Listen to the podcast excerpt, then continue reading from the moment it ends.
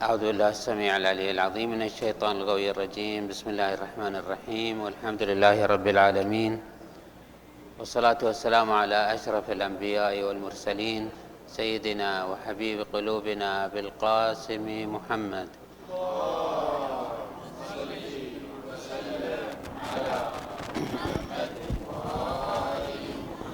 وعلى أهل بيته الطيبين الطاهرين المعصومين الميامين. في البدء نبارك لكم حلول هذا الشهر الشريف ونبارك لكم هذه العطايا الإلهية والمنن الربانية والأنوار الروحية التي سوف إن شاء الله نوفق إلى استثمارها والأخذ بها إن شاء الله. راجين من الله سبحانه وتعالى يوفقنا وإياكم إلى صيامه وقيامه. يقول الله عز وجل في محكم كتابه الكريم بسم الله الرحمن الرحيم ومن الناس من يتخذ من دون الله أندادا يحبونهم كحب الله والذين آمنوا أشد حبا لله. ولو يرى الذين ظلموا إذ يرون العذاب أن القوة لله جميعا وأن الله شديد العذاب. صدق الله العلي العظيم. في هذا الشهر الشريف وهذه الأيام المباركة سوف تفتح آفاق السماء وسوف تكون الأسباب إلى الوصول إلى الله عز وجل متاحة كأفضل من غيرها من سائر الأيام. على أنه في كل الدهر الله سبحانه وتعالى يدعو عباده إليه ويجرهم إليه ويجذبهم إليه بأسباب النعم والعطايا والأفضال. فهكذا تقول الروايات عن الله عز وجل أن الله عز وجل يقول عبدي أتقرب إليك بالنعم أتحبب إليك بالغفران. محبة الله عز وجل هي أسمى ألوان العشق والمشاعر والأحاسيس وذلك أن لهذا الوجود وللإنسان بالتبع مراحل. هناك العالم المادي وللإنسان بعد مادي فهناك لذات وعشق مادي. الإنسان يحب الأكل والشرب ويأنس بأسباب المتعة وهذا طبيعي ومقبول. ولكن فوق هذه اللذة هناك لذة أسمى وأشرف هي لذة العلم ولذة المعرفة.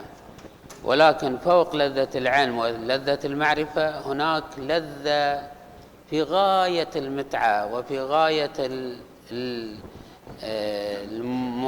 المباشرة للروح. لاحظوا الروايات لكي لا نطيل عليكم. الروايات هكذا تقول عن الصادق عليه أفضل الصلاة والسلام.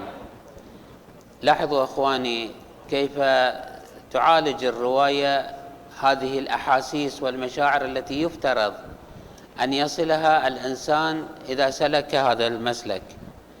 لو يعلم الناس ما في فضل معرفة الله عز وجل الآن المعرفة إلى ماذا تؤدي؟ سوف نتحدث عن ذلك. معرفة الله ماذا يترتب عليها؟ لو يعلم الناس ما في فضل معرفة الله عز وجل ما مدوا أعينهم إلى ما متع الله به الأعداء. كل ما في هذه الدنيا من لذة ومال ومتعة وقصور وحور وما شاكل ذلك من ملذات الدنيا لم يمد المؤمن الذي يعرف الله عز وجل لم يمد عينه يعني ما ينظر إليها يعني لا يشتهيها. ليس فقط لا يطالها ليس فقط لا يعش لا يحبها بل لا ينظر إليها. لو يعلم الناس ما في فضل معرفة الله عز وجل ما مدوا أعينهم إلى ما متع الله به الأعداء من زهرة هذه الحياة الدنيا ونعيمها. وكانت هذه الزهرة وهذا النعيم وكانت دنياهم كل الدنيا دنيا الأعداء أقل عندهم عند العارف والعارفين أقل عندهم مما تطأه أرجلهم. يعني كيف تمشي على التراب ولا تحسب له حساب؟ كذلك كل هذه المتع كل هذه الدنيا تصبح عند الإنسان المتعشق المتوله إلى الله عز وجل. الدنيا كلها تصبح كالتراب. ولا نعم يعني الذين يعرفون الله. نحن كلنا نبحث عن النعيم. كلنا نبحث عن اللذة. كلنا نبحث عن المتعة. كلنا نبحث عن السعادة. أين السعادة؟ أين النعيم؟ أين اللذة؟ في معرفة الله. من عرف الله عز وجل ماذا يحصل له؟ لنعموا بمعرفة الله عز وجل وتلذذوا به تلذذ من لم يزل في روضات الجنات مع أولياء الله. يصبح الإنسان يعيش كأنما يعيش في الآخرة كأنما يعيش في الروضات والجنات. يعشق هذا الجمال الإلهي وذلك أن الله عز وجل من الجمال من البهاء من اللطف من الرحمة ما يستلب تلابيب الإنسان لو عرف الإنسان لو عرف الله وتعامل مع الله عز وجل. تنقل بعض الروايات هذا النص القدسي عن الله عز وجل. أنه نحن هل نعرف الله؟ هل نبحث عن الله؟ نعم. من طلبني وجدني. من بحث عن الله سهل المؤونة. الله جل وعلا قريب. الله جل وعلا هو طالب لنا. الله جل وعلا يتقرب إلينا بالنعم يتودد إلينا بالنعيم. الله جل وعلا أفرح بتوبة عبده العاصي من كل شيء. الله يطلبنا. فقط نحن نحتاج أن نلتفت إلى هذا الطلب الإلهي ونتجاوب معه. فمن طلبني وجدني ومن وجدني عرفني. هناك من عرف الله تفتح له آفاق من المتعة واللذة. ومن عرفني أحبني. أنت قد تبحث عن أشياء تتصور أنها جميلة تتصور أنها ممتعة. ولكن بعد أن تتعرف عليها تجد أنها ليست كما تصورت ليست كما توهمت. بينما في حق الله عز وجل الأمر بالعكس. من عرفني أحبني. ولكن من أحب الله ومن اطلع على الجمال الإلهي ليس فقط يحبه من أحبني عشقني. والذين آمنوا أشد حبا لله. هذه العلقة هذا التوله هذا الاشتعال الروحي هذا الرابط بين العاشق والمعشوق لا يتحقق كما يتحقق في حق الله عز وجل. لأن الله عز وجل جميل لطيف تواب رحيم. الله جل وعلا أرأف رؤوف أرحم رحيم. من عرف الله أحبه بل من أحب الله عشقه.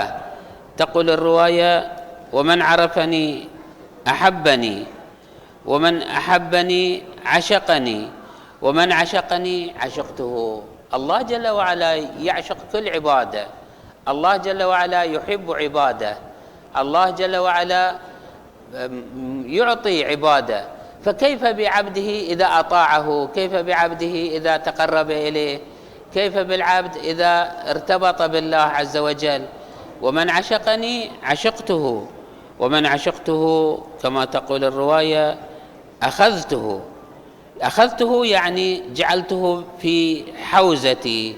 جعلته في داخل عبادي ومن عشقته.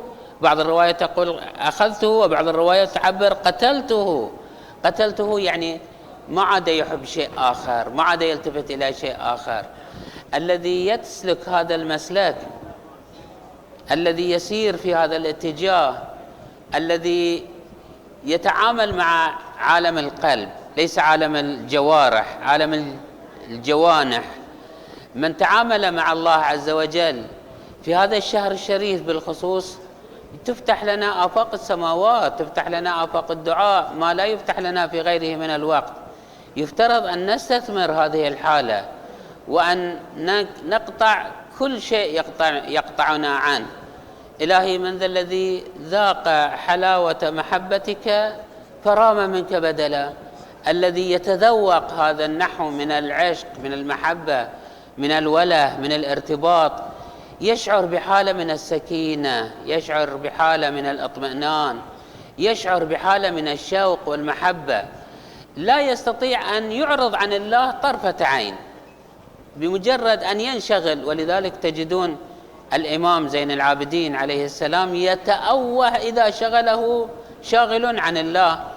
اللهم أني أستغفرك من كل شغل بغير ذكرك. كل شغل. حتى المستحبات حتى الواجبات حتى لعله الواجبات والمستحبات تنطوي على علاقة مع الله عز وجل. لكن في مأكله وفي مشربه فيما يقتضيه بدنه. إذا اشتغل بما يقتضيه البدن من ماكل وهذا لا بد منه الإنسان مكلف أن يأكل وأن يشرب وأن ينام. ولكن بالنسبة لمثل هؤلاء العارفين بالله عز وجل يعتبرونه حالة من الانقطاع عن الجمال الإلهي وعن المتعة بالتعامل مع الله عز وجل. لاحظوا النصوص التي تقول أنه إن لله عز وجل مع عباده إن لله عز وجل إن لله تعالى شرابا لأوليائه. العلاقة مع الله عز وجل أشبه ما يكون بإعطاء شراب. ليس مجرد فكرة ليس مجرد سلوك بل حالة تذوقية حالة تسري في أعماق الروح وفي أعماق القلب. لأن اللطف الإلهي والعطاء الرباني والمناجاة الإلهية للإنسان ليس بالأذن وليس وإنما تباشر القلب مباشرة. إن لله عز وجل تعالى إن لله تعالى شرابا لأوليائه. إذا شربوا سكروا. طبعا العبارة وان كانت تستخدم لفظ السكر ولكن السكر ليس هو سكر الشراب الذي يذهب العقل وإنما يتيه الإنسان في الجمال الإلهي وفي وفي اللطف الإلهي. إخواني أحبتي أخواتي المؤمنات من الحيف أن الإنسان يمضي عليه هذا الشهر وهو لا يتذوق هذه الأطعمة لا يتذوق هذه المشاعر يعيش في هذا الشهر وهو مشغول حتى في بعضنا يعيش مع العبادات والنسك ولكن ظاهريا لا يغور في أعماقها لا يخلص التوجه إلى الله عز وجل. الذين آمنوا أشد حبا لله. يصبح عندهم حالة من العشق من الوله من الانقطاع إلى الله عز وجل. يقال عن الإمام زين العابدين عليه أفضل الصلاة والسلام يوما ما كان يصلي فوقع بعض الأطفال في بئر فلم يلتفت إلى ذلك. طبعا هو لا يعني أنه لا يعتني بدنياه وإنما يعني أنه منقطع إلى الله عز وجل. حتى أن جارية قالت له أنه هذا الطفل وقع فقال لها أنت قليلة يقين بالله فأدخل يده وأخرج الطفل. غرضي أقول أنه الصلاة العبادة الدعاء ليس مجرد لقلقة لسان. ليس مجرد نسك ظاهري وإنما هو علاقة وارتباط وثيق قلبي بالله عز وجل. أخيرا أقرأ هذه الرواية مرة ثانية. أنه قال الصادق لو يعلم الناس ما في فضل معرفة الله عز وجل ما مدوا أعينهم إلى ما متع الله به الأعداء من زهرة هذه الحياة الدنيا ونعيمها. وكانت دنياهم يعني دنيا الأعداء أقل عندهم مما يطؤونه بأرجلهم.